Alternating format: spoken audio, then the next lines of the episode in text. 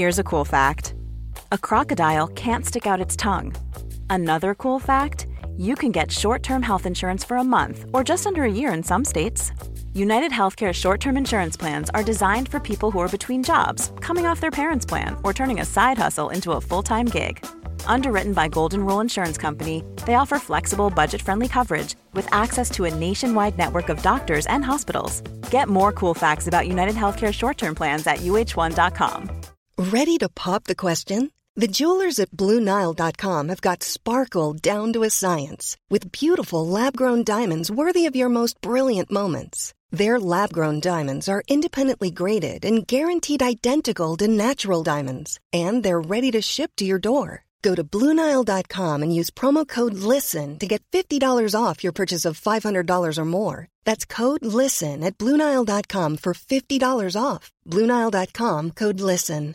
Hey, I'm Ryan Reynolds. At Mint Mobile, we like to do the opposite of what Big Wireless does. They charge you a lot, we charge you a little. So naturally, when they announced they'd be raising their prices due to inflation, we decided to deflate our prices due to not hating you. That's right. We're cutting the price of Mint Unlimited from $30 a month to just $15 a month. Give it a try at mintmobile.com slash switch. $45 upfront for three months plus taxes and fees. Promo rate for new customers for limited time. Unlimited more than 40 gigabytes per month. Slows. Full terms at mintmobile.com. Veckans sponsor är Telia. Hos Telia samlar man mobil, bredband, IT-support, mobilväxel, allt som gör företagande enkelt. Och det är just det här att samla allt på ett ställe, att ha någon att vända sig till när det inte fungerar, det är Telia. Ett exempel på vad som inte är Telia, det är ju som när jag lyckas boka förmötet för en poddinspelning med Finansinspektionen till efter själva inspelningstillfället. Eller när jag här, här året var liksom, fick för mig att jag skulle börja springa, så jag är liksom ute och springer taggad, träffar en kompis som säger så du Jan, på måndag ska jag springa ett lopp. Och jag känner så här, ja men det låter inspirerande, så jag käkar pasta, jag byter om, tar mig ner till Malmö stadion för att göra en efteranmälan, står där i kön och sen så när jag liksom anmäler mig så tittar de på mig och säger så här, du Jan, vårhuset är bara till för kvinnor. Och eh, det var, det var typisk en situation som inte är Telia. Oavsett, ett stort tack till Telia som sponsrar, gör Rika Tillsammans möjligt, men framför allt tack till dig som lyssnar, följer och eh, hänger med oss varje vecka. Och då kan man säga så här som du säger med svarta fåret, egentligen är ju hyresrätt lyxboendet. Du lyssnar på Rika Tillsammans-podden som handlar om allt som är roligt med privatekonomi. I den här podden får du varje vecka ta del av konkreta tips, råd, verktyg och inspiration för att ta ditt sparande och din privatekonomi till nästa nivå på ett enkelt sätt. Vi som gör den här podden heter Jan och Caroline Bolmesson. Idag är det dags för avsnitt 107 och eh, det är helt enkelt en fortsättning på förra veckans samtal med Pontus Kopparberg. Mm, så detta är del två då? Ja, och i förra veckans avsnitt så pratade vi ju om då bostadsrätter framför allt. Vi pratade om bostadskarriären, bostadsbubblan eh, och allt det där. Och i dagens avsnitt så fortsätter vi att prata om eh, då hyresrätter. Mm. Vi kommer prata om eh, lite tips när man väljer mäklare, hur man ska tänka. Vi kommer prata om nyproduktion och vi kommer prata om lite sådana saker som, när, jag, jag, vet att jag tjatade på Pontus väldigt mycket så här, men vet du har ju barn som ska växa upp. Hur hade du gjort? Vilka ja. tips hade du gett dem? Va, vilka misstag hade du sett till ja, att de undviker? Du pressade honom. Ja, jag tänk på det. om du ska ge tips till dina barn. Han gav jättemånga bra tips. Ja, precis. Mm. Så att vi, tycker, vi tyckte att avsnittet blev jättebra och vi hoppas att du tycker det också. Så att jag tänker att vi släpper på Pontus. Mm.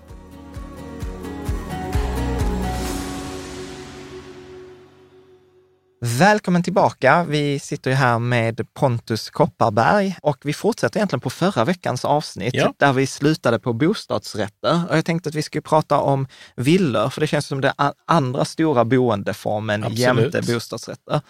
Så att eh, vi pratar att en skillnad mellan bostadsrätt och villa är att man äger man har en lagfart på sin eh, villa. Ja. Men vad skulle du säga så här, liksom, till de som funderar på att köpa en villa? Vad är liksom så här bästa saker att tänka på mm. eller bästa råden? Det man kan tänka på som är fördel med, med bostadsrätt och som mm. är lite tuffare med villor, det är ju det att du måste ha kanske en rejäl buffert där. Mm. Därför att du går in och tar hela ansvaret för, eh, för fastighetens skick och så själv. Mm.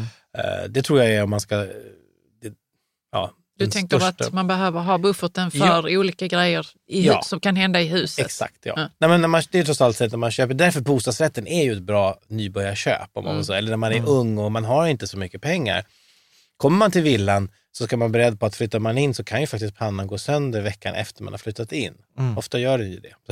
ja. Nej, men alltså det är men en rejäl buffert därför att du måste hantera akuta eh, så att säga, reparationer. I bostadsrätten så finns ju det förhoppningsvis i alla fall med Ja, men vi kan ju bara ta så här, vårt exempel. Alltså, vi hade ju ett eh, element som började läcka. Ner på parketten. ner på parketten. Och vi har ett hus från 30-talet och då, då är det de här fina elementen. Och då får vi så här offert från eh, VVS-firman som bara så här, ja ett nytt likadant element kostar 18 000.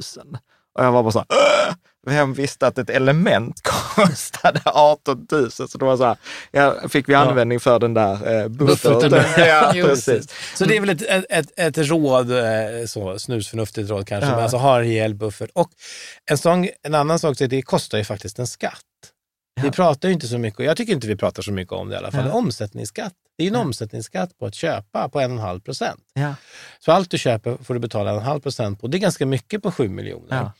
Dessutom- lagfarts, Lagfart, ja. lagfartsavgiften? Ja, Mm. ja, ja, precis. Ja. Det är ju en, ja, det är, ja, lagfartsavgiften kommer ju sen. Utöver det, om du ska ha pantbrev också, då blir det Ja. 2 procent på det också. Det är, det är faktiskt en omsättningsskatt. Det är en ren Okej. skatt som vi inte har på bostadsrätter. Det kan Ja. man ju nämna också att det är ju...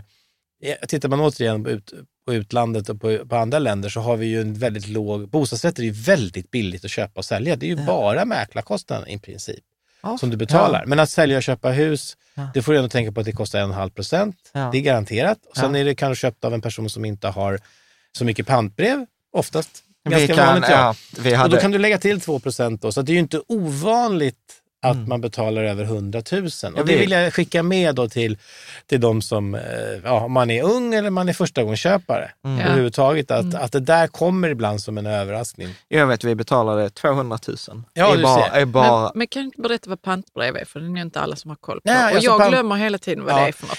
Ja, jag skulle säga så här, besticka ut hakan och säga, alltså, det är ju egentligen, alltså pantbrev det är ju egentligen ett sätt för staten att tjäna pengar. Därför att det är ju ett sätt att hålla ett, ett, ett register. Man ska ha ett fastighetsregister. Så att det, Ja. Där har du ju full koll på, så att det inte är så att det finns gamla skulder och sådär. Eller att det, ah, ah, ja, det blir en bra säkerhet för bankerna helt enkelt. Vi har väldigt väl fungerande system sedan många, många år tillbaka. Det finns länder där det är lite tveksamt kring det där också. Men då har man ju en uppgift. Så det, det, det är en administrativ avgift kring det. Det kostar ju att hålla det. Men att ta 2% för att skriva ut ett papper eh, på beloppet. Alltså tar, tar du ett lån på en miljon så kostar det ju 2% på det Ja. i pantbrev. Plus en och en halv mil- eh, procent i omsättning. Så det är ganska mycket pengar. ja. Och det är egentligen bara för att säkerställa att ett hus inte kan ha lån från två banker. Ja, Mer precis. eller ja. Eller, ja. Och förr, förr i tiden var ju själva brevet värt. Alltså det var ju ett pantbrev. Det var ju väldigt viktigt. Oj, om man, det får man inte tappa bort. Nej. Nu är de ju inte eh, fysiska längre, utan de är elektroniska. Så. Men förr i tiden så var det ju ett bevis. Och, så. och det är, ju väldigt, det är en väldigt viktig del av en fungerande fastighetsfinansiering. Men jag tycker att de här pengarna, det är bara för att tjäna pengar. Det är, det är en skatt, rent ut sagt. Det kanske man skulle tagit några tusen för, men, Ja. men inte så mycket som det är. Så det ska man, man ska man räkna på, Ja. så man inte, så det inte kommer som en överraskning. Eh, Ja. Eh, och det finns ofta med naturligtvis i mäklarens kalkyler, men man, man, det där tänker man kanske inte på när man ger sig ut. Så det, är- det är ett råd. Sen ett annat råd, att köpa villa då, det är också, då tycker jag också titta på vad, vad finns det för framtida kommunikationer planerade i området. För villa köper man ju oftast på lite längre sikt. Mm. Eh, som du nämnde här, utbyggnad av pågatåg och vi har utbyggnad nu av tunnelbanan för första gången på 30 år i Stockholm till exempel. Vart tar den vägen och vad finns det? Och andra, hur tar man sig? Hur är kommunikationen? Det tycker jag är viktigt. Jag, jag brukar ju säga så här att, eh, apropå, vi, var, vi började i förra avsnittet också med, är det en investering eller en kostnad? Då brukar jag säga så att, um, att när man köper ett hus, framförallt, att man ska tänka att bo där i sju eller tio år. Att ha den horisonten. För, och då brukar jag säga en av de anledningarna är just de här omsättningsskatt eller transaktionskostnaden. Skulle du hålla med om att köper man, om, det är först, köp en villa först när du vet att du med stor sannolikhet kommer att bo där i sju, tio år. Ja, det tycker jag. Sen finns det ju alternativ, vet jag att det finns orter där det inte finns bostadsrätter där det är villa, det naturliga Mm. eh, boendet. Och då kanske man köper det som yngre, det, men det är också ofta betydligt mindre pengar. Det. Men, men Mm. det är en större investering och det, är, det finns vissa transaktionskostnader. Så ja, eh, så är det. Mm.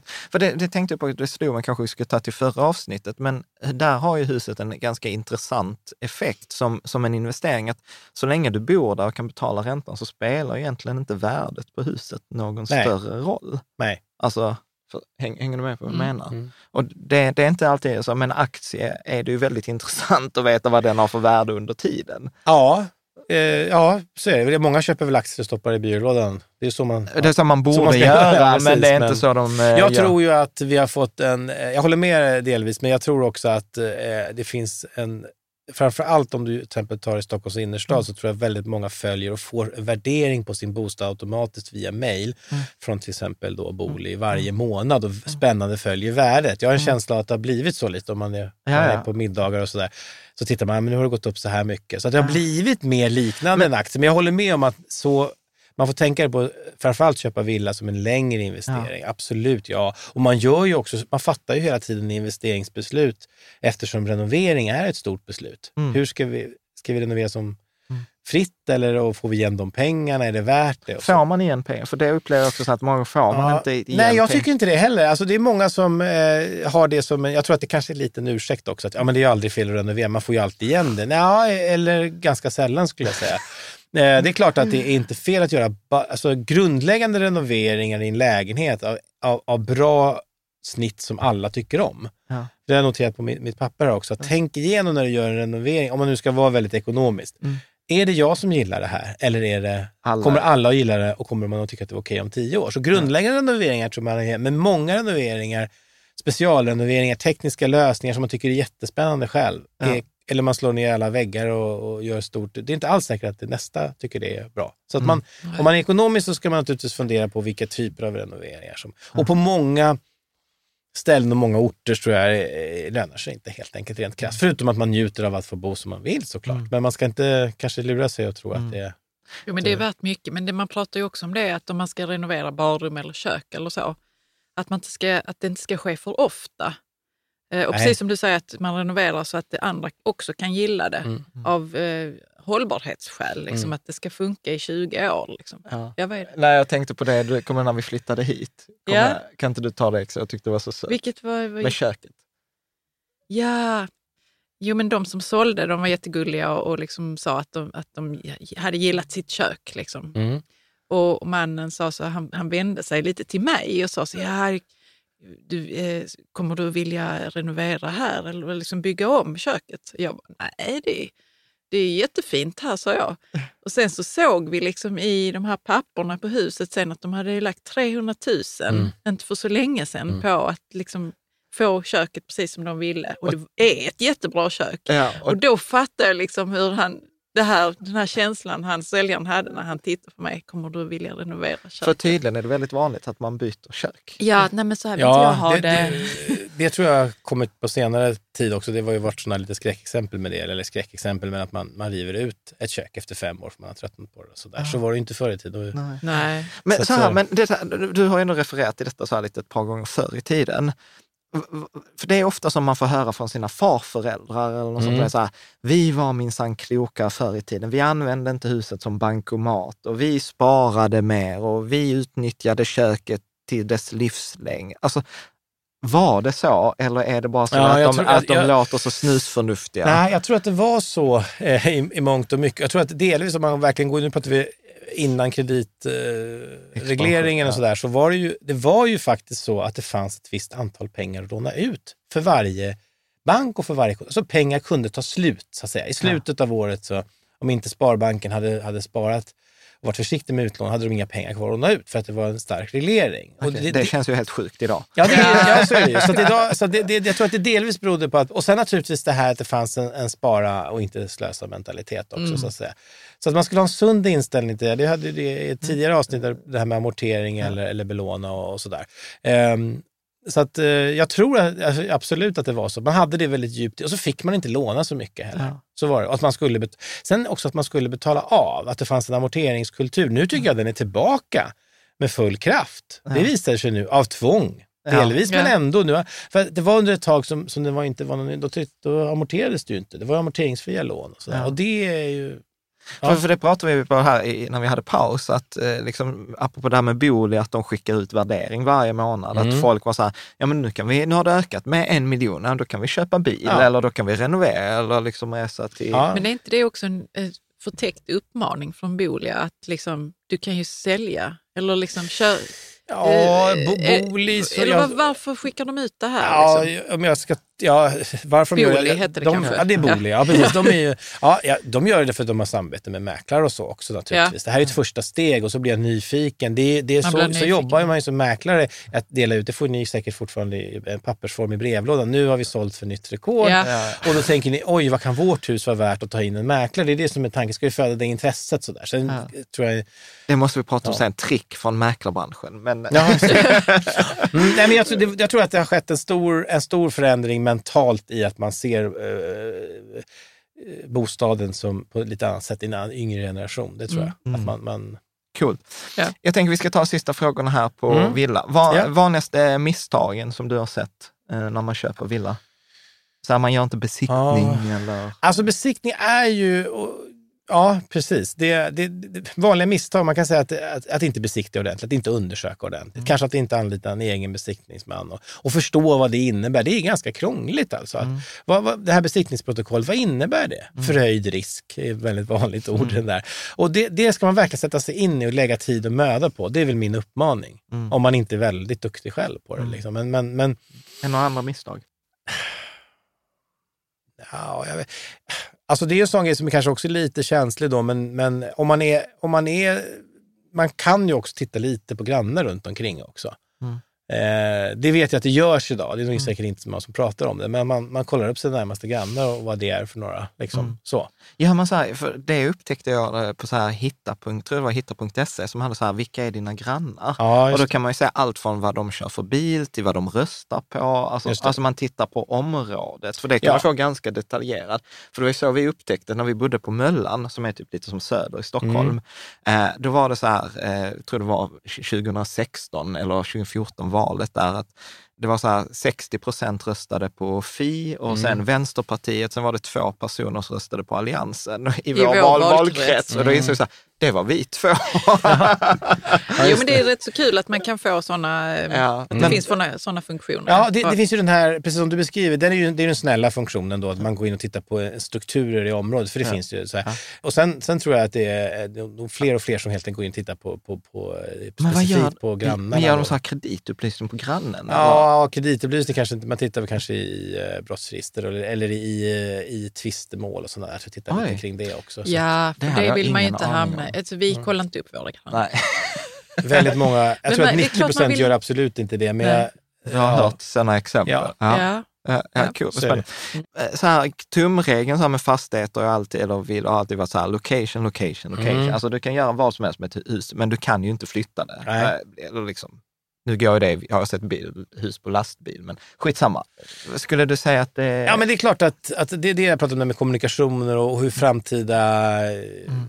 Ja, den ekonomiska infrastrukturen runt omkring och så där. Hur ser det Mm. ut? Vad finns det för, är det här ett område på gång uppåt eller är det här, finns det hur risker? tar man reda på det? Alltså så googlar man, man går dit och pratar, knackar. Alltså, ja, hur det, dels kan man titta på kommunens planer. De finns ju, eh, så att säga, de är ju offentliga. Titta på vilken infrastruktur som ska byggas här. Mm. Det, det, det går ju att ta reda på. Eh, så. Men eh, ja, så man, man kan titta på prisutvecklingen i området också, hur det har varit och Ja. Så. Men, Så, så att det- sa så ja. om dina barn skulle säga, nu ska vi köpa villa. Mm. Hade, då hade du så här, ringt till kommunen, kollat eh, de grejerna. Om Ja, jag hade vetat. nog, eh, om de har ett speciellt område så hade jag nog eh, uppmanat dem att, att verkligen titta på dels på prisutvecklingen, dels på vad, vad, vad, vad är det här för slags område i Stockholm då, om Ja. det är aktuellt. Ja, men, precis, men, säg, men säg så att området Mm. inte känner så här, du vet, de kommer så här, du pappa, vi ska flytta till Bellevue i Malmö. Mm. Vad hade, vad hade du liksom gjort då? Du vet? Ja, men då hade jag nog titt- alltså då, dels hade jag nog faktiskt ringt kommunen då, tittat Ja. på vilka, tittat på vad, vad, och vad finns det för typ av, så också vad det blir för exploateringar. För att det är ganska vanligt att man köper nära ett grönområde, men kommer det vara ett grönområde för alltid då? Ja. Det byggs och förtätas väldigt mycket. Ja. Hur kommer det se ut runt omkring? Och hur viktigt är den här parken jag har? Om den försvinner och det byggs radhus där, vad händer då? Mm. Eh, Sådana saker ska jag titta på i närområdet. Mm. Det är Mm. nog ganska viktigt. Ja, något mer du skulle gjort? Ja, och så kommunikationer då och självklart husets skick. Ja. Då, Hade liksom du så här. följt med dem på visning? Ja, det hade jag kunnat göra. Ja, ja, men det är eh, fler, alltså det är väl bra för att det har ju varit så när det har varit eh, de tiderna att det har gått snabbt så är det ju så att då kanske man Ja. inte får så många fler chanser att gå och titta på huset. Så det är flera skeptiska ögon kanske. Jag vet Ja, inte. ja. Nej, men det, det, så är det väl. Det, det, och jag hade väl också varit förmanande också vad det innebär med en villa. Så Okej. Det är ju större åtagande. Så är det. Hur hade du varit förmanande? Ja, men att har ni tänkt igenom det här och har en ordentlig buffert och, och, Ja. och, och så. Liksom. Hur, Om det nå- 20 år så hur behöver ni byta fönster. sådär. Ja, och sådär. ja precis. Och, vad, och kanske också, jag är, jag är själv absolut ingen expert på det, men alltså, vad är det som man ska titta på? Vad är det som kostar pengar? Ja. Man måste bli lite duktig på, på, på det när man köper villa. Liksom. Vad är det som är, ja men som du säger då fönster, ja men alltså måla fönster är ju inte svårt. Det kan du till och med göra själv och ta in någon. Och så. Men byta alla fönster om de är ruttna, det kost, vad kostar ett fönster? Det kommer bli som, som elementet där. Du kommer Ja. upptäcka vad ett måttbeställt fönster kostar. Det kanske kostar 20-30 tusen i detta fall. Så att det, Ja. Men du, Ja. en helt annan fråga. Har du varit med om när du var mäklare att det, att det var något hus eller någon lägenhet som hela tiden lades ut liksom på nytt? Eh, ja, du menar att det kommer tillbaka i... Ja, du menar folk du, inte vill bo där. Ja, ja, ja. Att alltså, det ja, har ja, spökat eller något Ja, Jag visste att du var på väg att det skulle spöka. Jag var, så här, jag var på väg så här, typ om det spökar. ja, nej, ja, det är klart att det finns, det finns hus som, som är sådana hus. Och det kan bero på att man flyttar in och så upptäcker man att nej, men så här är läget här. Ja. Eh, med vadå? Det kan vara... Vad kan det vara? Dels kan det vara grannar då eller att man upptäcker... Det finns något man inte trivs med. Men, alltså, och som må- många inte trivs med. Så att säga. Det Ja. kan vara någonting man upptäcker i ett hus som, som gör att eh, och då, då är det ute. Eller en lägenhet i och för sig som kanske, som kanske ligger precis och har en, en sån här ventilationstrumma fäst på fasaden från en restaurang som har tillstånd Ja. för det. Om man tar, jag tar något, ex- ett, ett från verkligheten. Eh, och som inte märks när man är på visning. ja. Då är det naturligtvis som en seriös mäklare kanske man talar om att ja, kom hit och lyssna på kvällen här för här ska Ja. du sova i det här sovrummet. Så. Ja. Man får ju räkna med det när man bor i stan, att det är en viss störning. Men det kan vara så att det kan vara ett Mm. sånt ljus som är väldigt svårt. Aha. Ja. Jag, jag tänkte vi ska lämna villa. Är det Ja. någonting mer du tänker så här, detta skulle vi tagit upp när vi pratade kring eh, villa? Nej, jag tror att det är allting. Mm. Ja. Eh, d- där kanske en parentes, bara som en, tomträtt ska man också tänka på med Ja. villa faktiskt. Naturligtvis, det är självklart. Det är Ja. ju, ja, när det gäller bostadsförening tänker man inte så mycket på det, men självklart tomträtt. Eh, eh, Ska man villa. köpa ut sin, eh, om man har en tomträtt? Ja, eh, eh, det, kan, det, är, en ren räkneuppgift egentligen. Ja. Sådär. Jag tycker man ska tänka på en sak där bara. Det är att oftast är det ju i dagsläget lönsamt eftersom räntorna är så låga att, att köpa ut det. Men då Ja. begränsar man ju sin, sitt låneutrymme. Ja. Har man råd med det eller inte? Så det, Ja. det blir en väldigt privat fråga egentligen för varje Ja. person att ta ställning till det. Bra. Och tomträtt behöver inte vara fel om man bara ser till så att det är prissatt på det sättet. Det, är ju, det handlar ju om det. Alltså få en ordentlig rabatt då. Mm. Mm. Och hur, hur, hur, hur är det, man får alltid köpa ut om man vill? Nej, det ska man inte säga att man alltid får. Mm. Eh, Och, och jag kan säga så här, jag har ett, ett färskt exempel där, där en bostadsrättsförening ville köpa men inte fick. Ja. Men, men som privatperson får man väl göra? Det, finns, det, det finns sådana här löpande erbjudanden, men du har ingen rätt till det. Absolut inte, utan det är Okej. kommunfullmäktige som fattar beslut om att nu är det här priset som gäller. Och då kan ju sanningen vara att ja, alla har alltid ett pris och då kan man köpa Ja. ut. Men eh, det, är, det är en politisk fråga. Är okej. Ja. Det tror jag, det fanns länge så att, eh, åsikter om att, att det ska staten Men för då äga. tror jag att det är så i Malmö kommun. Men det, det, jag kanske ska säga, för, för att min upplevelse när, vi, när jag kollade upp det, så tror jag att det var så att i Malmö kommun som privatperson får du alltid köpa Ja, okej. ut. Mm. Men föreningar och företag, Mm. då är det ett politiskt beslut Ja, okej. som ska Mm. tas i nämnden. Mm. För det vet jag Ja, att när jag okej. satt i fastighetsbolag, att Så vi du får jobbar. alltid, ja, okej. Men det är ändå ett politiskt beslut som är taget Ja. att du alltid får köpa. Så det kan ju ändras om en Absolut, månad. Så ja. att- ja. Ingen att, naturlag, eh, det var vi inne på. mm.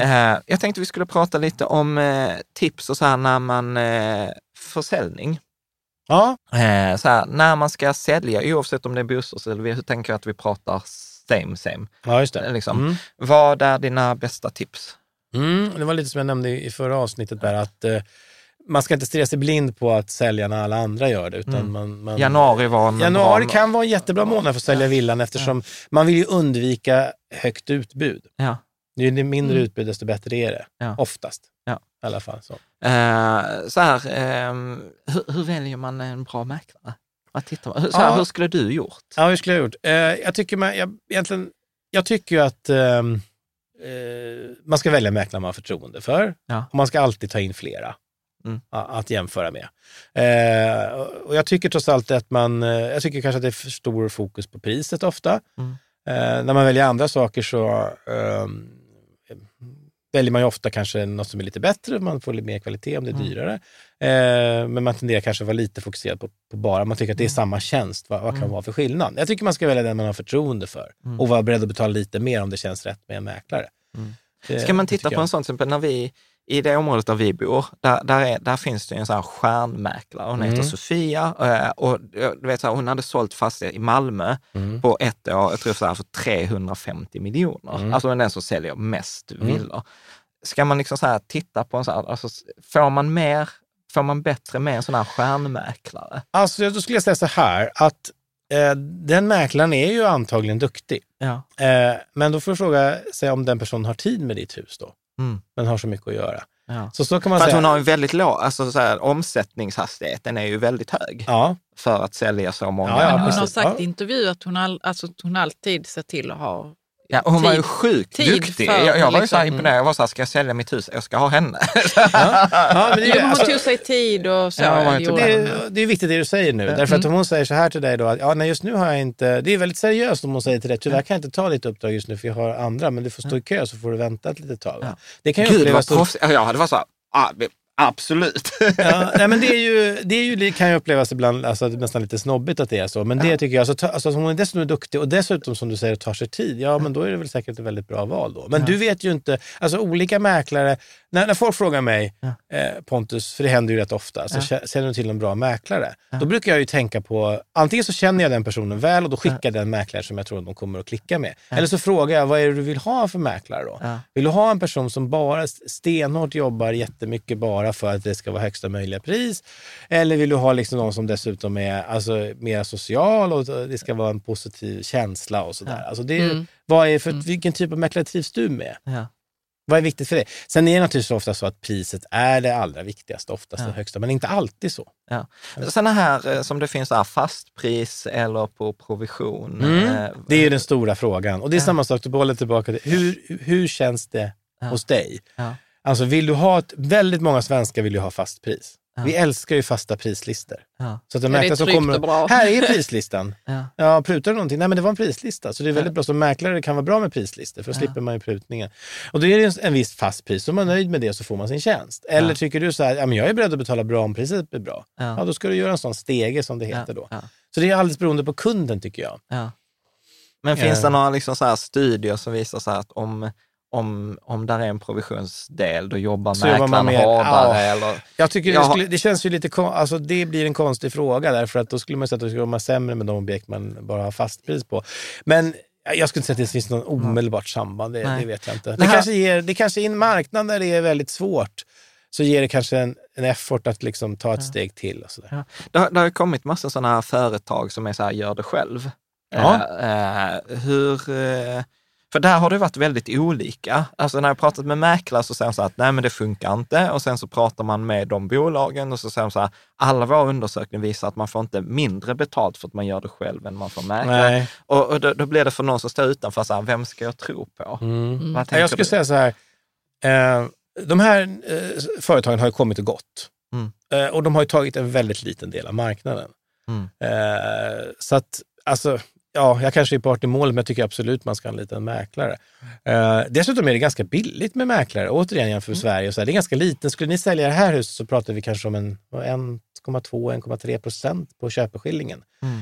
Så det är relativt billigt för allt du får då. Mm. För att du skulle själv då an, anordna en visning då, Mm. eller förmedla lån och sådär också. Det blir lite, ja, och det är framförallt efteråt, om det blir något problem, så har du ju mäklaren där. Mm. Som just en mäklare mellan säljare och köpare. Så att jag, alltså jag, Du skulle säga, ah, ja, du, får väl, skulle- du får väldigt mycket för pengarna nu Ja. tycker jag, när man anlitar Ja. en mäklare i ja, dagsläget. du hade Ja. liksom inte sagt till barnen så här, nej gör det själv. Nej, nej, absolut. Nej, det hade jag inte gjort. Nej. Nej, det tycker Ja, inte jag. det var nej, men det var vi- tydligt vi, svar. Ja, jag tycker det. Alltså, vi, är ju proffs, vi, vi, ja, vi har ju anlitat advokat när vi går till rätten och vi liksom, de är ju proffs på det, så att säga, och har försäljningskanaler på olika sätt. Så, att säga. så jag tror eh, att eh, det är aktuellt. När ska man, när ska man anlita det här företaget då? då? Ja, det för det finns tillfällen till det kanske. Det är när en bostadsrätt är väldigt billig. Om du ska sälja i, vad vet jag, i någon liten stad, i Härnösand, och så sälja en etta där och den kostar 125 000.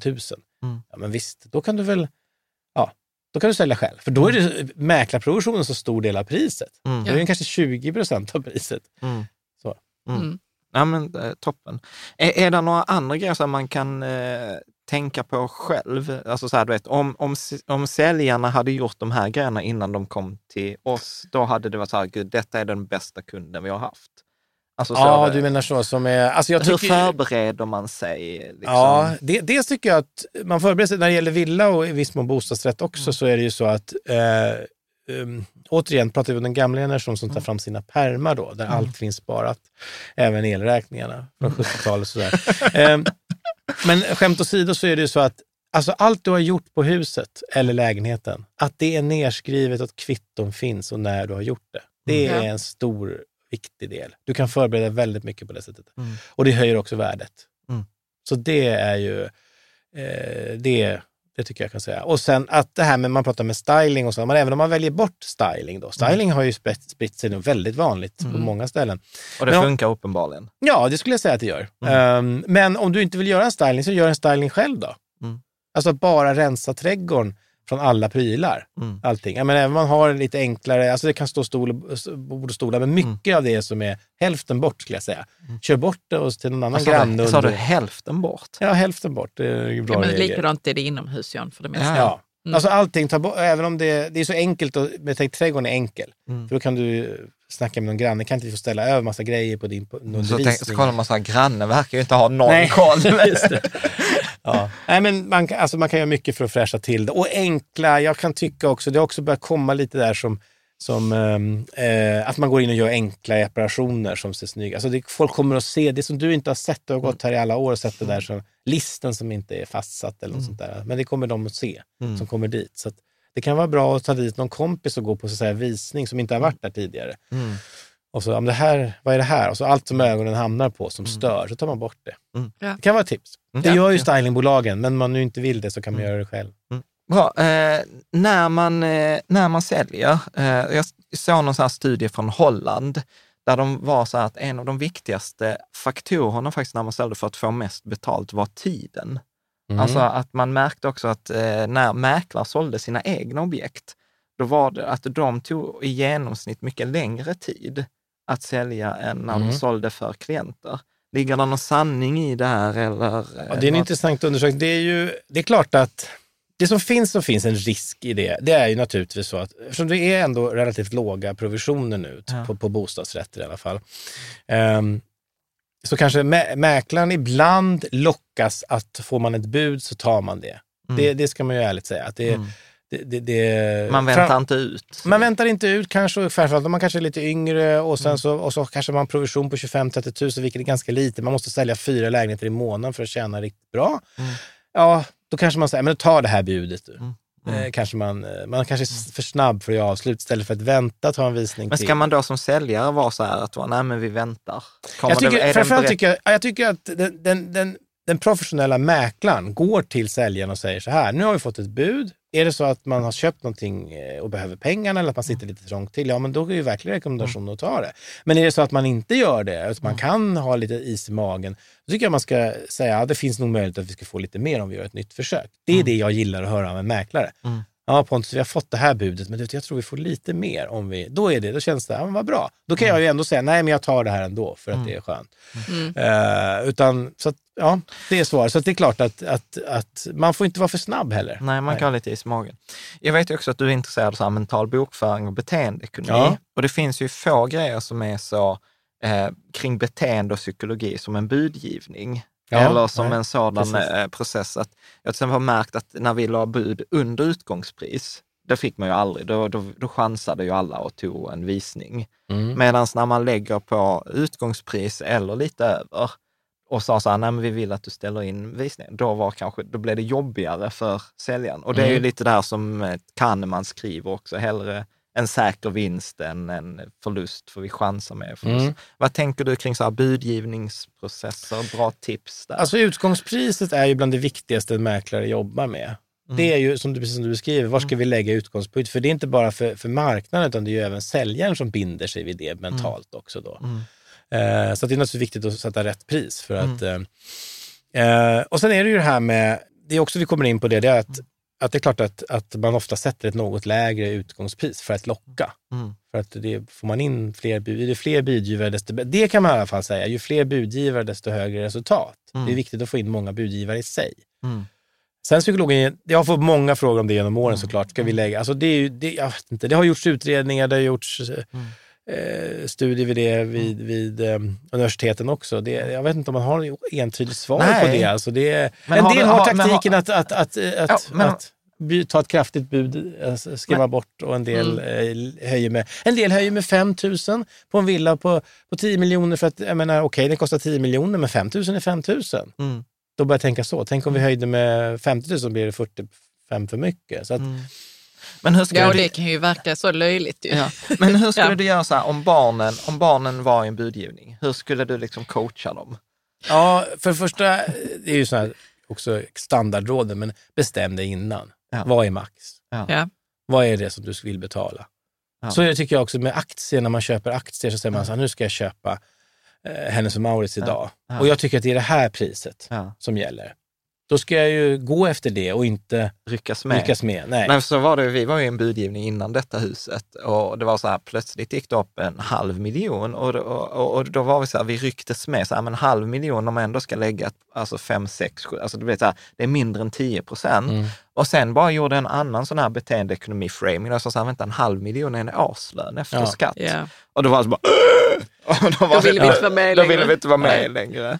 Nej, men så att man kan bestämma sig innan hur mycket man eh, är beredd att ge eh, och, så, och tänka själv. Jag brukar säga det till de par som oftast är då, så säger jag, men, vad tror de andra, de andra vad, vad, vad tror de? Ja, men ni ska gå hem och tala om för er om ni vill bo här. Mm. Och vill ni bo här så sätter ni det här och så, då, då tycker jag ni kan gå upp i budgivning för ni vill ju bo här, känns rätt för er.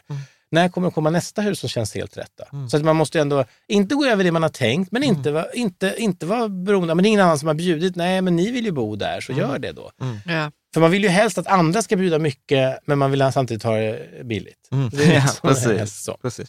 Eh, En fråga från min bror eh, Ja. faktiskt. Eh, de har precis sålt en bostadsrätt Mm. och så letar de efter en villa Mm. och så här uppskjuten den här skatten. Ja. Hur ska man göra? Jättebra fråga. Eh, det, det är ju, tycker jag, en, vi är i en ganska allvarlig situation just nu. Därför vi har en situation där vi har ett 72-punktsprogram Mm. där det står eh, väldigt slarvigt att man ska ta bort flyttskatten och sånt där. då. Men sanningen var, bakom det var ju det att det finns ett förslag om att den här så kallade uppskovsräntan ska försvinna. Mm. Eh, Men jag har faktiskt till och med pratat med Annie Lööf om det och ja, hon kan inte heller riktigt svara på vad det egentligen innebär. Och innebär det gamla uppskov eller vad händer? Det är dramatiska eh, förändringar för, för de som ska sälja sin bostad. bostad. Så det är, det är upprörande att man liksom kan hålla det här på halster så länge. Mm. Så att, Alltså vänta, vi måste bara definiera vad det är vi pratar Ja. om, för jag vet inte vad, okej. vad det är för någon skatt. nej, men när man här, så- säljer sin bostad så, så betalar man ju en skatt. Ja, Mm. På och den vinsten. skatten, på vinsten, ja precis. Och den skatten får du så att säga skjuta upp. Du behöver Ja. inte betala den när du flyttar om du köper en ny likvärdig eller dyrare bostad. Så kan man ta inom med, en viss... Inom en viss tid, ja. Ja. Precis. Då kan man ta med sig det. Och det är ju väldigt viktigt för alla som, som, som flyttar då från det här radhuset då, eller alla som har gjort vinster. Många, de flesta har ändå gjort vinster nu de senaste åren. Då kan de ta med det istället för att låna upp de pengarna. Mm. Så det blir ju en, en uppskov. Tidigare har det varit en uppskov för evigt, Ja. man säger så, tills man säljer det sista boendet. Eh, nu, sen införde man en, en skatt på det, eller en ränta, men det är en skatt, men det, det, det är en ränta som är rätt hög. Den motsvarar 3,25 procent. Mm. Så, att, ja, så det, det har man kraftigt försämrat. De har dessutom minskat man får bara upp till en viss nivå. Och nu är det diskussion om man ska slopa det. Och det hår- hänger i luften då sedan Mm. ett år tillbaka, vilket är mycket olyckligt. Så, så att, men tillbaka till frågan, Mm. så är min, min, min eh, eh, synpunkt det att eh, har varit att inte betala in skatten nu. Därför att det kan hända att det blir eh, helt fritt, alltså att man har de här uppskoven gratis. Och då blir det ju som att få en, en kredit med noll ränta Mm. På i stort sett evig tid, Mm. tills man säljer så att säga. Mm. Eh, sen ska jag säga då, komma med ett tips också som kanske inte alla känner till. Då. De som nu där ute då säger, oj men vi har ju betalt hela våra... Ja men det går att, att, att, att rätta deklarationen fem år tillbaka i tiden. Så när de tar bort det här, om man gör det och det blir retroaktivt, Mm. titta om man kan göra det. Kan man riva upp sin deklaration, ångra sig Mm. och få tillbaka pengarna. Så det finns möjlighet att rätta efteråt. Mm. Coolt. Eh, Så men betala, min grundregel är vänta, betala inte in någon skatt nu. Tills Utan, vi vet hur ja, det Och blir. betala framförallt inte in det nu när man har sålt, utan vänta Mm. till deklarationen eller efter i så fall. Men, För att jag menar, man kan ju betala den här räntan på 3 ett år om det sen blir fritt. Det ju- Mm. alltså, det är värsta som- ja, ja, gud ja. Så det, Absolut. Eh, är det något annat som vi skulle ha frågat kring försäljning eller kring mäklare? Nej, men vi kom in på det på slutet det här nu som jag tycker är, som många också debattörer i branschen nu, det är att det är de här, alltså det är mycket politiskt styrda beslut som styr. Vi pratade om hur kommer priserna igår. Ja, det är väldigt beroende av om man kan göra det här uppskovet. För vi har stora inlåsningseffekter i Sverige där, så därför det är för dyrt att flytta från villan därför att Ja, precis. Ja. Att du har en pensionär, det har vi ju grannar. Liksom så här, de kan inte sälja för att det blir så mycket skatt Ja. och då kan de inte köpa en motsvarande lägenhet inne i stan för att skatteeffekten Och blir så. det, skulle man få bort det så skulle man ju frigöra. Vi, har ju inte, vi skulle i Mm. stort sett inte ha någon bostadsbrist i Sverige idag, om man ska sticka ut hakan. Mm. Om alla som, alla som var äldre och bodde ensamma i villor sålde sina villor och Mm. flyttade in i mindre lägenhet, då skulle vi frigöra väldigt mycket yta. Mm, precis. Det är Mm. angeläget Mm. kan man säga. Jag tänker vi ska Mm. prata om det svarta fåret i familjen, hyresrätt. Liksom. Svarta fåret. Ja, men det är alltid så mycket kritik kring hyresrätt. Va- va- Varför upplever du så också att hyresrätt får mycket stryk? Att det är så här, Ja. Bor man i hyresrätt så blir man ju ifrågasatt. Ska inte Ja. ni flytta? Och, ha liksom, Ja, lite så Mm. eh, är det ju. Och det, är ju, det kommer sig av vår gamla fina eh, hyresreglering som är väl 70 år gammal nu. Mm. Eh, som bygger på politiska beslut att, att bostaden ska inte vara en handelsvara. Mm. Ska man citera gamla eh, uttalanden. Men, men, och det innebär att vi inte har en hyresmarknad i Sverige. Utan Mm. det är staten som bestämmer vad hyran ska vara. Mm.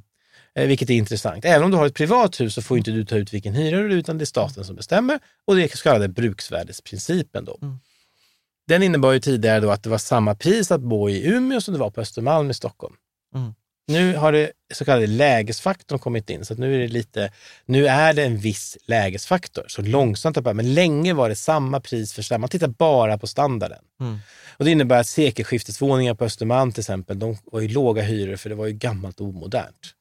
Tänkte man. Man fick betala mer i Umeå och Umeå är en sån stad som är ganska nybyggd. Mm. Eh, till exempel. Och, ja, det var det som styrde. Så det kunde vara högre hyror i, i vissa städer. Nu har det förändrats något, men fortfarande är det så att det är en hyresreglering. Och resultatet har ju blivit det att vi inte har några hyresrätter. Mm. Så vi har ingen hyresmarknad. Mm. Eh, och det, kan man ju, det brukar jag sticka ut hakan och säga också att vi har en brist på bostäder i Sverige, det har vi ju. Men, vi har, men den bristen är delvis konstruerad. Mm. Eh, eftersom vi har oftast för låga hyror. Mm. Hade vi haft marknadshyror så hade vi inte haft någon brist. Då hade man kunnat hyra en lägenhet imorgon var som helst i Sverige. Mm. Och det, det, det här får det för och nackdelar, men det får ju med sig att vi har en bostadsmarknad som är fullt avreglerad i princip. Eh, och så har vi hyresmarknaden som ska fungera tillsammans. Mm. Och det gör det inte. Nej, Det fungerar inte tillsammans. Och de som bygger har tidigare inte byggt några hyresrätter för att man får inte- mer betalt. för man får mer betalt att bygga bostadsrätt. Så, så är det ju. Mm. Nu har det ju blivit en... Och, då kan man säga så här som du säger med svarta fåret. Egentligen är ju hyresrätt lyxboendet. Det är det bästa boendet man kan ha. När man bor i en, en... Tänk dig en lägenhet man bor i och så har man en fastighetsvärd som du är kund hos.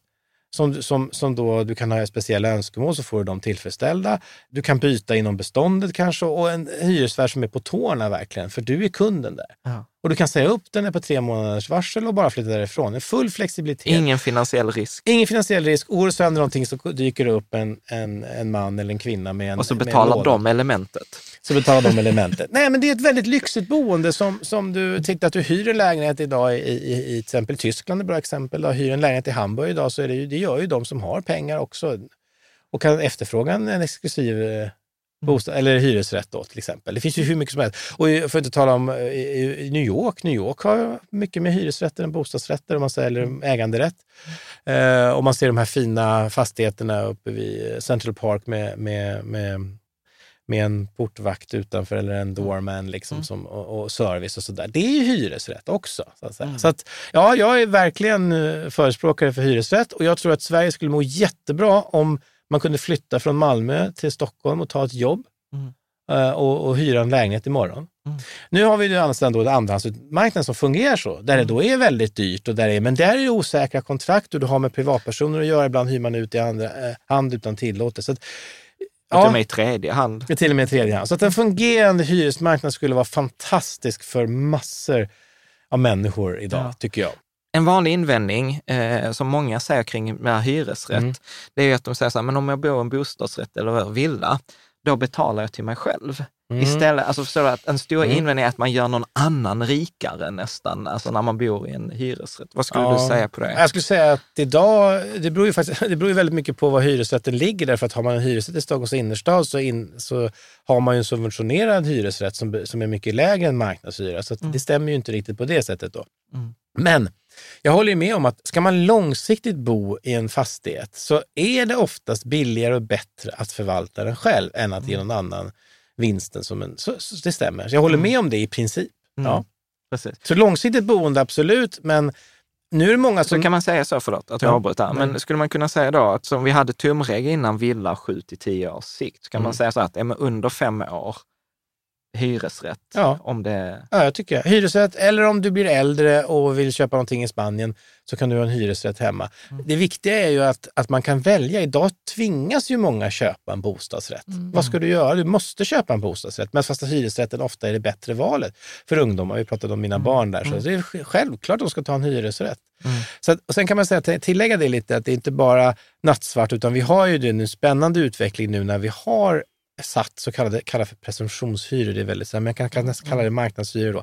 Det vill säga att man kan sätta sådana hyror på nyproduktion nu som gör att det är lönsamt att bygga hyresrätter. Och där är jag väldigt positiv. Vi kommer få se mycket nya hyresrätter i, i, i, i eh, Stockholm, Göteborg och Malmö nu. För nu finns det möjligheter att, att bygga dem. Mm. Och, och, det, och då kan man ju tänka sig att de som bor länge, invändningen mot marknadshyror är att man, man sätter många på backen och sådär för de inte har inte råd att bo kvar då. Men om man, man inför hyr, fri hyressättning i alla nyproduktion, det är ett väldigt långsamt sätt att göra men det är ett Ja, bra sätt det. att göra på. För att eh, då kommer det att finnas, och då, invändningen brukar vara, vem har råd med dem då? Ja, men Ja, vad kan det vara för belopp? Liksom? Ja, men om jag, tar, här, jag bor i, utanför Stockholm, då, i Älvsjö till exempel. Då. Där kostar nu en nyproducerad fyra, ungefär 21-22 000 i månadshyra. Ungefär. Mm. Eh, men står de tomma då? Nej, det gör de ju inte. För det finns ju många som kan hyra en sån för 22 000. Eh, för, det- för det är samma kostnad som det är att köpa ändå. Mm. Ja, det kostar ungefär 22 000 i månaden att köpa. Och dessutom kanske tar man ingen risk. Och det ska man, precis som du sa tidigare nu, eh, om sina barn också. Om man kommer hem till pappa, jag ska hyra en etta här för 8 och 5 i månaden. Ja, gör det. Det är ju ingen risk. Mm. Det är en jätteliten risk. Vad som händer om du blir arbetslös, ja, du får bo där i två månader till eller tre och sen säga upp den. Så att, ta gärna risker med höga hyror. Ja, Eh, sen på sikt är det kanske inte någon bra ekonomi, men det är ju ingen risk i det. Mycket Nej, bättre men det att är, hålla... ju- jag ja. tycker det är roligt det du säger, för du ger ju en annan eh, kontext till det här med hyra och eh, hyr, alltså att reglera av, eh, vad säger man, hyrorna. Ja, Gör reglera- marknads, ja, ja. Och gör det med att börja med, Så nyproduktionen. Ja, men vi har väl varit i diskussioner med människor som har sagt så, men 20 000 i månaden. I Alltså, det är alltså helt det- otroligt. Ja. Och så har man tänkt så, men, det, men ja, jag vet inte liksom. Men nu fattar jag det på ett annat sätt Mm. faktiskt. Mm. Ja, man kan ju tänka sig er situation här då, då. Om vi säger att ni ska flytta ett år till Stockholm för ni Mm. har fått ett jättebra jobb eller ett uppdrag. Det är mycket, det är bra pengar. Vad gör ni då? Ja, ni köper. Ni, ni får ju då köpa en lägenhet i princip då om det ska Ja, vara... då är motståndet... det är Alltså, det blir som att man det. undrar, så Det- ska jag ja. ta det här jobbet ens? Ja, precis. ja. Och så kostar, och ska ha en lägenhet ett år, det kostar ju bara 60-70 000 i mäklarprovision och styling. Det kostar 150 000 bara att, att, bara att, att byta. Liksom. Ja. men hy, kan du hyra en, en fin fyra i Stockholm för 25 000? Ja, men det kan ni ju räkna på. Det kostar ju så länge ni är där. Det är klart ni ska göra det. Ja. För det är ju inte bostadsrätt något bra alternativ i det fallet. Nej. Och det är det som jag tycker är synd, att man inte har det. Den möjligheten skulle, skulle man behöva. Överallt, inte bara i Stockholm, överallt. Man, man, man ska kunna hyra bra bostäder. Men jag vet ju att Mm. jag har en bloggare, Conny Kuppe, han skriver mycket där att bostadsbristen på det sättet är en, en myt. För han säger så att om du är beredd att betala marknadshyror så finns det eh, Ja. möjligheter. Det, han, det han säger så här, det som det är brist på som aldrig kommer att komma tillbaka, det är ju den där 100 kvadraten på Östermalm för 7000 Ja. i månaden. Och att det är dem, det är, men det är det vi kallar Ja, för, för ja en men det är, brist. det är sant. Det finns ingen bostadsbrist på det sättet. Ja, för att, sant. eh, vi bor ju också på, på eh, vad är nu, tredje största ytan i världen. Jag menar, Ja. alltså, om vi skulle bara anpassa oss till någon annan stad i Europa Ja. eh, så, så skulle vi ju det skulle inte vara någon bostad. Nej, men det är ingen bostad. Det är, man kan jämföra med så här, om man skulle sälja en ny Volvo då, som ni har Ja. valt att inte köpa. Men om den skulle kosta 150 000 då för en ny V70, eller 120 000, skulle ni köpa en då? Ja, Ja. det skulle ni göra. Ah, väldigt många skulle köpa. Det skulle bli jättestor brist, för det skulle vara svårt att tillverka dem. Alltså det, för att ta Det är exempel. samma det- princip. Ja. Man efterfrågar, det blir så när eh, man är ensam kvar som pensionär och så bor man i en trea. Då bor man ju kvar för att man har råd med det. Mm. Men man, man anpassar inte bostaden till en etta då, eller till en tvåa, utan Nej. man bor kvar i en trea för att man har råd. Så att Ja. Ehm, men ja, så... Är, det något mer som du tänker kring hyresrätt? Som inte Nej, jag, som mer så att jag ser, jag ser framför mig, jag, jag ser verkligen fram emot också att man sätter lite press på fastighetsvärdet, att man får kunder istället för bara... För att eh, i dag- i dagsläget, om de skulle flytta ut, det bryr man sig inte om. Mm. För det går att hitta en ny. Så det, det kundperspektivet finns ju inte heller. Nej. Och därför blir också hyresrätten, som du säger, i dåligt rykte. Mm. Lite grann så här, man bara ska bo i hyresrätt, det är bara de som inte kan ha råd att köpa och sådär. Men om du får in en grupp som då väljer att bo i hyresrätt och som är kunder hos världen, eh, hos hyresvärden, då eh, kommer vi få se massor med spännande lösningar på, jag menar, tänk dig Oscar Property fast då i hyresrätter. Ja, precis. Nej, men det där är jätte... Vi har en kompis, eh, Filip, som har varit med här i podden. Han har, ju, han har ett ganska stort fastighetsbestånd. De delar ju så här alla dina askar till sina hyresgäster och sätter upp så här kransar för att hyresgästerna önskade det och På julen. på julen och fixar så här digital app för bokning av tvätt. Alltså så att de gör ju jättemycket Ja. för sina hyresgäster och, och har väldigt låg omsättning på hyresgäster. Och den, den kvinna som var här för många avsnitt sen, som vi Ja. berättade om Ja. hur hon byggde upp. och så- Annika. Annika Ja. Annika, som ju uppenbarligen har köpt då på orter som åtminstone i början var svajiga. Ja, ja, Men ja. hon är ju då, genom att vara, vara en bra hyresvärd och att jaga hyresgäster, har hon ju fått jättebra lönsamhet. Det är ett jättebra exempel. på. Ja. Hon är ju en riktig hyresvärd. Ja.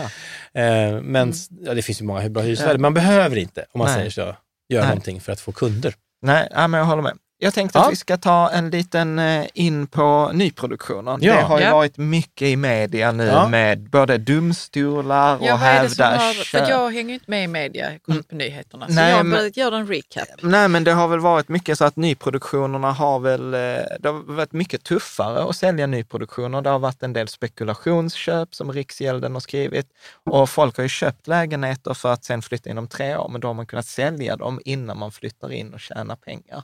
Så det har varit massa avarter på det sättet. Mm. Men det har också varit att det har satt många i problem, för man har köpt den och sen har bolagen gått i konkurs eller skjutits upp. Så att det är massa sådana saker Ja. som har pågått just Ja. nu. Men vad är din syn på nyproduktioner och Ja, så här? det blir ju lite, alltså, nyproduktionen är en väldigt bra värdemätare på marknaden i stort.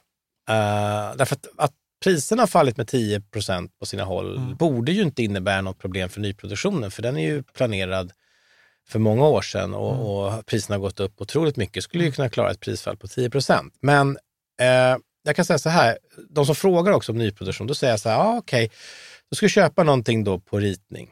Mm. Återigen, om ni skulle köpa en, en nyproducerad lägenhet här nu då, Malmö city, säger vi då, och den är, den är klar om två år eller ett och ett halvt år.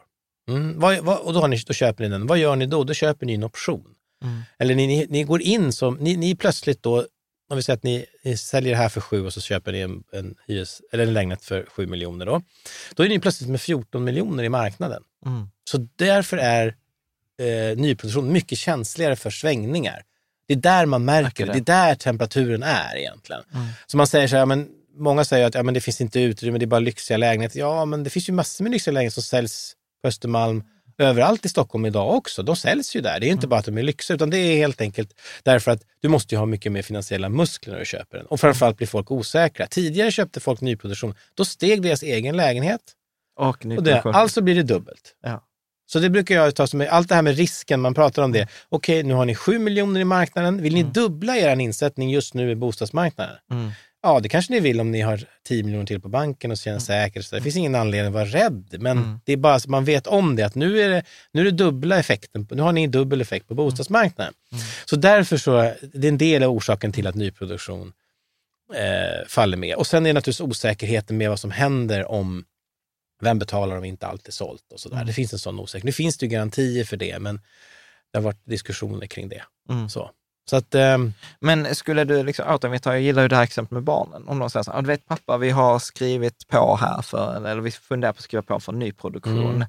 Hade du varit så här, äh, köp hellre ett befintligt? Alltså, ja, jag, jag, jag hade väl varit lite feg där och sagt att köp hellre befintligt kanske, om man inte måste köpa, nödvändigtvis köpa nyproduktion. Eh, för det finns en viss osäkerhet. Sen är det ju så också att, eh, vilket som har blivit de här, med de här tvisterna där, där har det blivit uppenbart det att de kanske inte har köpt det här av byggföretaget, utan de köper det av en bostadsrättsförening som sen köper själva byggnationen av ett byggföretag.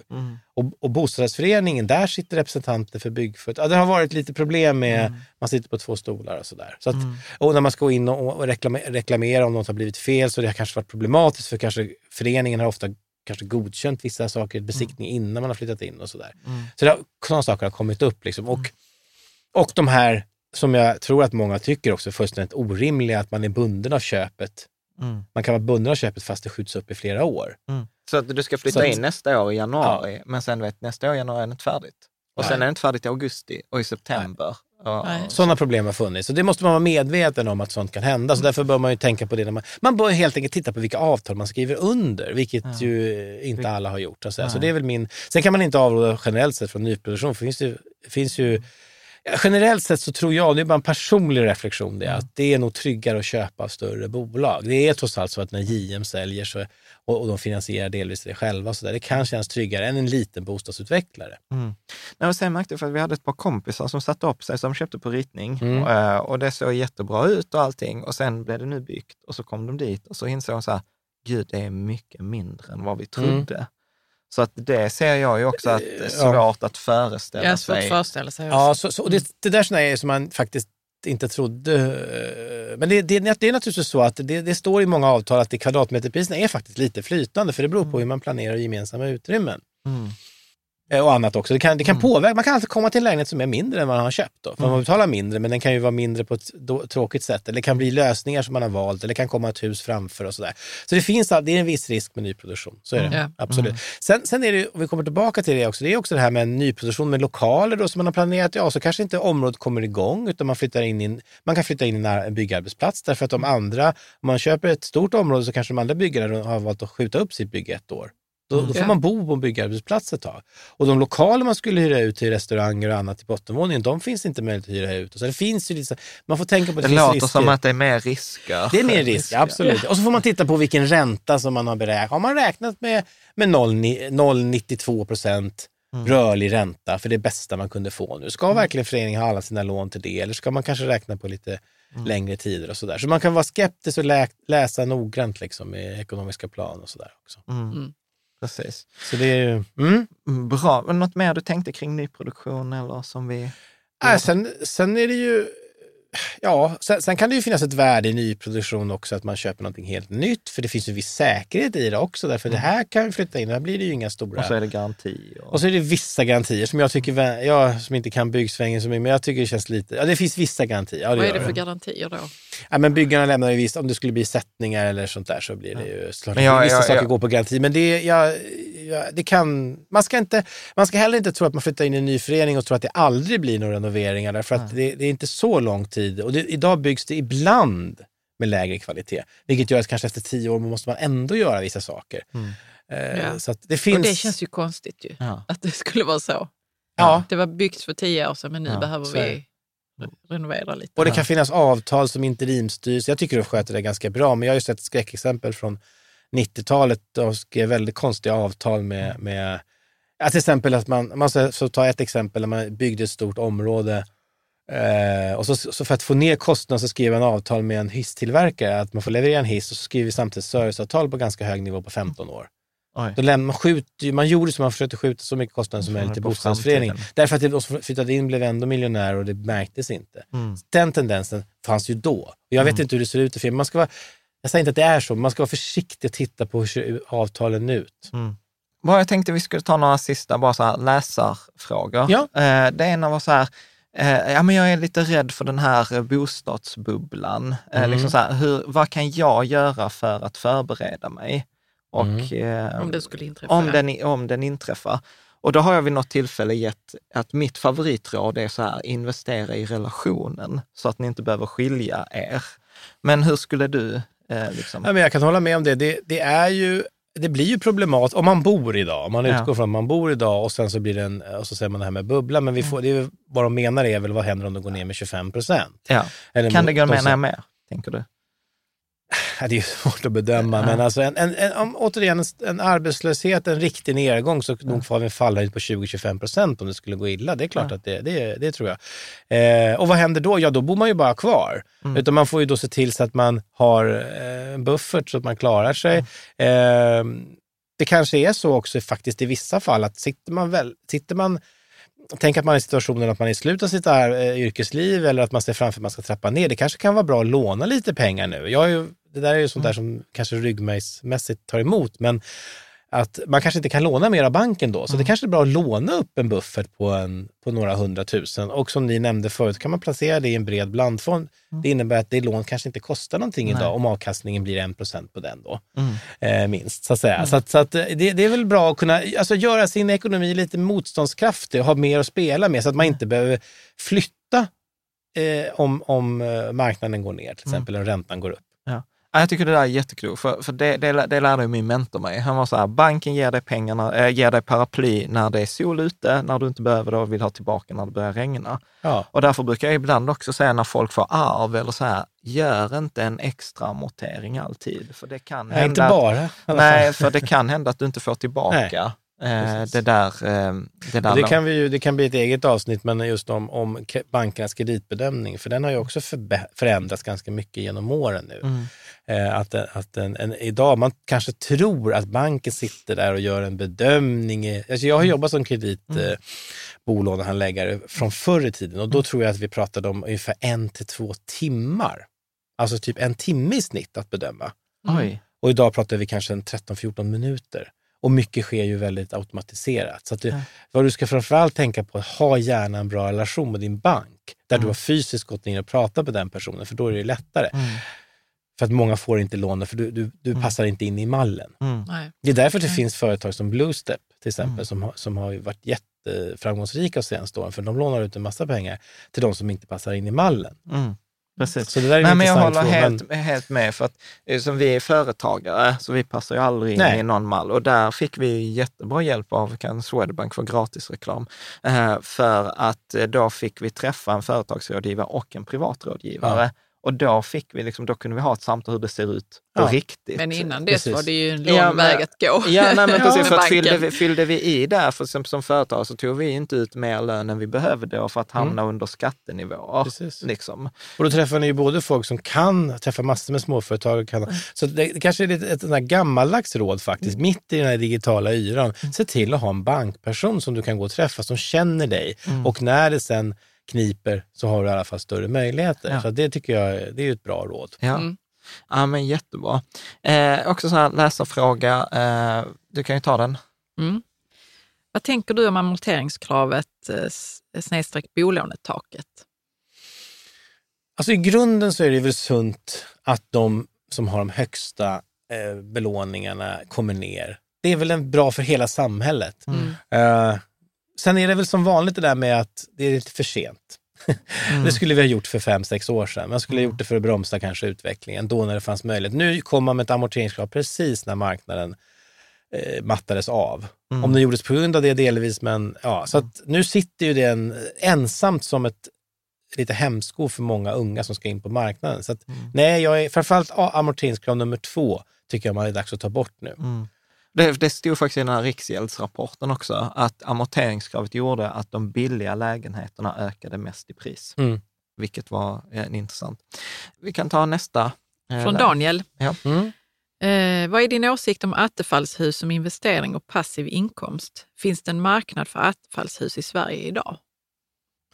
Ja, då menar de som att bygga ha på tomten kanske. Ja, då, liksom så. ja men jag tycker det, är- det är sånt som vi också, en gammal käpphäst också. Det finns ju lägenheter med så kallad uthyrningsdel Mm. som byggdes förr i tiden. Jaså? Eh, jag Ja, vet det inte vad visste jag inte. Det Nej. visste jag inte ens att det fanns. Ja. Ja, men Det var väldigt vanligt under en viss period. Det finns en viss nyproduktion på det också. Men då är det två ingångar till lägenheten. Ja. Eh, bara, och, och då, men man kan också ha en sammanslagen. Ja. Så att när, då har man hela familjen där och så när barnen flyttar hemifrån så kan man hyra ut den andra. Och det, är, det är ju ett, tips. En sån lägenhet, jag, nu pratar jag lite grann egen sak. Jag har själv köpt, um, eh, egentligen, jag har två lägenheter i min förening. Ja. Så eh, när mina barn, jag har ju tre barn, flyttar ut så kan jag dela upp min lägenhet. Så jag kan antingen välja att behålla den minsta eller behålla den största, och in, eller båda. Ja. Så jag, har lite, jag- jag, kan faktiskt sälja en del av Så min det, lägenhet. där var ju ett sånt trick. Ja. Så, Nej, men det- det finns ju mycket sådana lägenheter eh, som man inte tänker på, men det kallas för uthyrningsdel helt enkelt, som byggdes väldigt många sådana på 50-60-talet. Då. Så det kan vara, jag tycker ett jättebra tips och för att gå över till att- attefallshusen. Då. Ja, alltså att ha ett attefallshus på tomten, som man nu kan, attefallshus nu som byggs med högsta standard och dessutom kanske kan bli större snart, vi pratat om det. Det är väl jättebra att bygga ett sånt där och låta tonårsson eller dottern bo där Ja. under en tid kanske och sen kan man hyra ut. Ja. Så det, ja, jag tycker det är perfekt Ja. exempel på, och med låga räntor och bygger man det och belånar sitt, då kan man utnyttja belåning i sitt hus till en investering Ja. som man styr själv då. Ja. Som, Fan, ja. Ja, men fa- fantastiskt. Bra- det visste, jag visste inte ens att det, det fanns. Eh, jag tänker så att vi ska börja avsluta. Ja. Eh, vi brukar alltid fråga så här, är det någon bok du skulle tipsat om? ja, men Ja. Det, det är ju det här. Det, du har ju till och med med Jag med den. mig den här. det, visste jag i och för sig från pausen, men Ja, det var ju precis. roligt. Så här ser den ut, som visar upp nu för, tittarna. Men, men det är ju, ehm, den heter ju Beslut och beteenden av Mm. Richard Taylor. Och det är en eh, Nobelpristagare. Mm. Eh, det var ett antal år sedan nu, va? sju, åtta år sedan han fick Nobelpriset tillsammans med några andra. Och det låter ju jättetråkigt, men den är väldigt humoristiskt skriven. Ja. Eh, och det finns mycket roliga exempel på det, hur vi beter oss, kanske inte helt rationellt hela Ja. tiden. Att, att eh, vi har politiker och eh, beslut fattas väldigt ofta bara rent av, vi tror att människan väldigt, fattar väldigt ekonomiska beslut, men det visar sig att det gör vi ju nästan aldrig helt i alla fall. Nej. Så den är rolig och tänkvärd. Vad man än jobbar med tycker jag kan vara bra. Ja, Så det är mitt tips. Coolt. Är där något sånt här citat eller ordspråk som du har i livet? Ja, ja. Ah. Du, Ett motto. ett motto eller så? Ja. Ah. Nej, ja, vad kan det vara? Ja. Nej, Nej, jag har nog inte det. Jag får tänka på det till nästa gång jag kommer hit. Ja, Då, tror jag. precis. Nej, det är ju inget så. Ibland, Vi ibland så... har ju inte det väl? Ja, nej, men jag har Vi ju... får Alltså, tänka inom, min, igenom nej, vad vi men, så lever här, precis, nej, men in- inom finans så kan jag, jag ha det liksom ibland. Att så här, Ja. Jag gillar ju flit och systematik. Ja. Det är ju Ja, ett av mina... Liksom, så här, Mm. många, Det finns alltid fler sätt att se på saken kan vi säga. Det är så lite Ja. tråkigt. Men alltså, man ska, snabbt går man ofta in och så får man fundera på hur mycket är det i mitt, mitt arv som jag har med mig. Och Mm. finns, så kan man tänka kanske. Ja. Mm. Precis. Är det någon eh, fråga som du önskar att vi skulle ha ställt under de här två avsnitten? Ja, ja, som jag sa, men andra sa, intressanta saker att ta upp. Vi pratade ju, vi snuddade egentligen det bara med finansiering. Mm. Det kan man ju... Ja, men shoot, om du skulle ta, Nej, men ta en att, att, eh, ja, några ord som jag nämnde om det här Mm. med, eh, med, med, med kreditbedömning. Att jag Mm. tror att det är många som, som, eh, som tänker sig att, man, att bankerna sitter och gör, det finns säkert på sina håll och kanter, men det är väldigt eh, statisk bedömning Mm. i kreditbedömning, alltså i grunden. Om man skickar in, bara, man träffar ju oftast inte banktjänsteman utan skickar Nej, bara in på nä- nätet, På nätet ja. Och den, eh, ja, eh, inställningen där som de har, eller Mm. liksom den eh, logaritmen, vad säger man, Mm. algoritmen som Ja, ja. finns där, ja. den, den är ju väldigt statisk och tar ju inte så stor hänsyn. Förr i tiden satt man ju ändå med kunden mitt framför och ställde frågor. Mm, Och det blir ju mycket bättre kreditbedömning. Mm. Det, är så jag tänker. det, har, det har gått till en... Och det ska man tänka på också, man kanske får nej så är det absolut värt att ta kontakt med banken. Mm. Eh, så jag tycker det är en konst med kreditbedömning som har kommit lite på skam. Och, och, och det betyder naturligtvis på att, för att man ska ha en, en rationell hantering och det beror på att de här bankerna ska packa alla de här lånen sen och sälja dem vidare för att banken i sig belånar ju det här. Och, Mm. Så det finns regler kring det och så vidare. Mm. Men ja, Men är det något, eh, liksom, för vi var inne på det innan, att, liksom, att ha en personlig relation, det är ett bra tips. Och jag tror också att, att, jag tror att, kredit, jag tror att framtiden är också mer personlig kreditbedömning. För jag tror att när det börjar att eh, svaja så kommer man ju se, man ser ju vem som badar naken då när, när tiden drar sig tillbaka. Men en ordentlig kreditbedömning när man känner sina kunder, kommer, Ja. det kommer säkert att bli misstag i de här algoritmerna Ja. som man kommer fram nu. Så att, Ja. Slå ett slag för en riktig kreditbedömning när man tittar på individen och sådär. Idag till exempel, så, för att ta ett exempel, så, eh, som jag tar, två sjuksköterskor som bor ihop till exempel och jobbar. Hur, vad är risken att de blir arbetslösa? Mm. Ja, den är väldigt liten. Vad är risken att de får en inkomstminskning? Mm. Den är noll nästan. ja. Men om man, man kanske lånar ut till en, vad ska jag säga, en, en försäljningschef till exempel som har en del av sin lön i Provision. i, i provision och allting. Så den är naturligtvis väldigt osäker jämfört med det här. Så den typen av kreditbedömning ska jag slå ett slag för att man Mm. gör mer Ja. noggrann. Mm. Mm. Mm. Precis. Bra. Ja, men, eh, Vi har Ja. den frågan, hur konstig är du? Ja, hur konstigt. Ja, precis. Ja, precis. På en skala 1 till 10.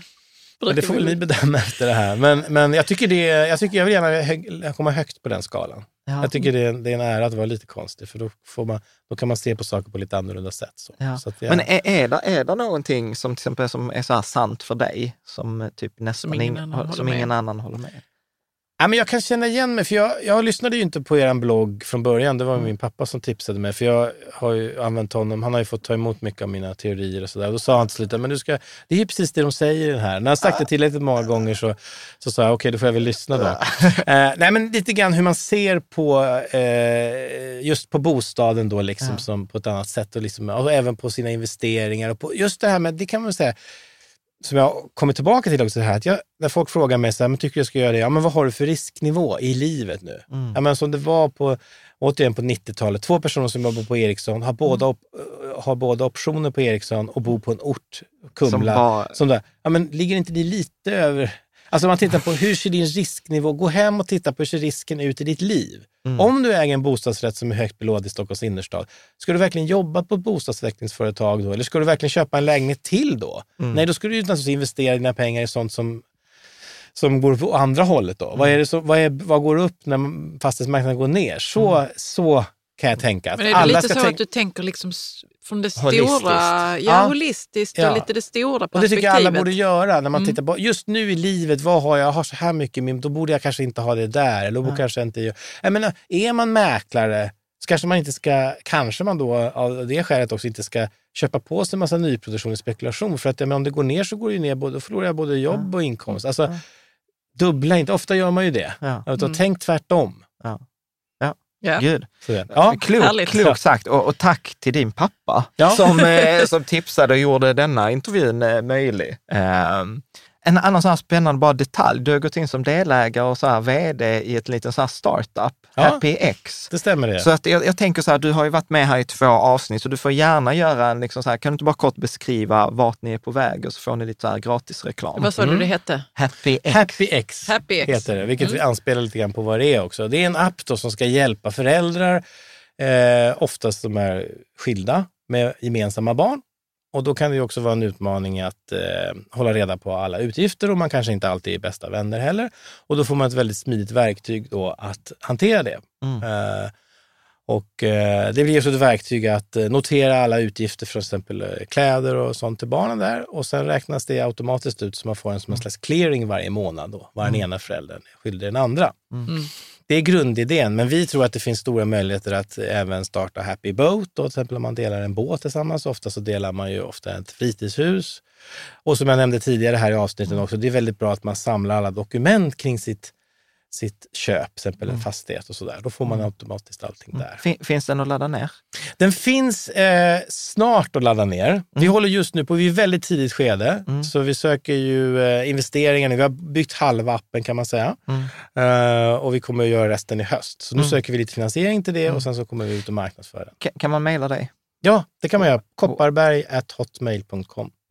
Ja, men Så det får jättekul. man jättegärna göra. Och jag lägger ut den i, i anslutning till det. Och sen Ja. så tänkte jag, för du sa också i en parentes, ja men jag har ju mycket erfarenhet som nämndeman kring just det där också, så att eh, så här, du kommer få att komma tillbaka Ja, och så får vi bra. prata både om eh, Happy X och liksom erfarenhet och sen gissar jag att det kommer komma in mycket frågor Ja. eh, på det där och vi Mm. ska ju också prata om eh, bostäder utomlands, för Ja. det vet jag också är Ja. väldigt eh, poppis. Så att eh, man, det får vara en liten cliffhanger för Mm. idag. Låter bra. Så ett fantastiskt stort tack Ja, Pontus. tack själva. Jättekul att få höra.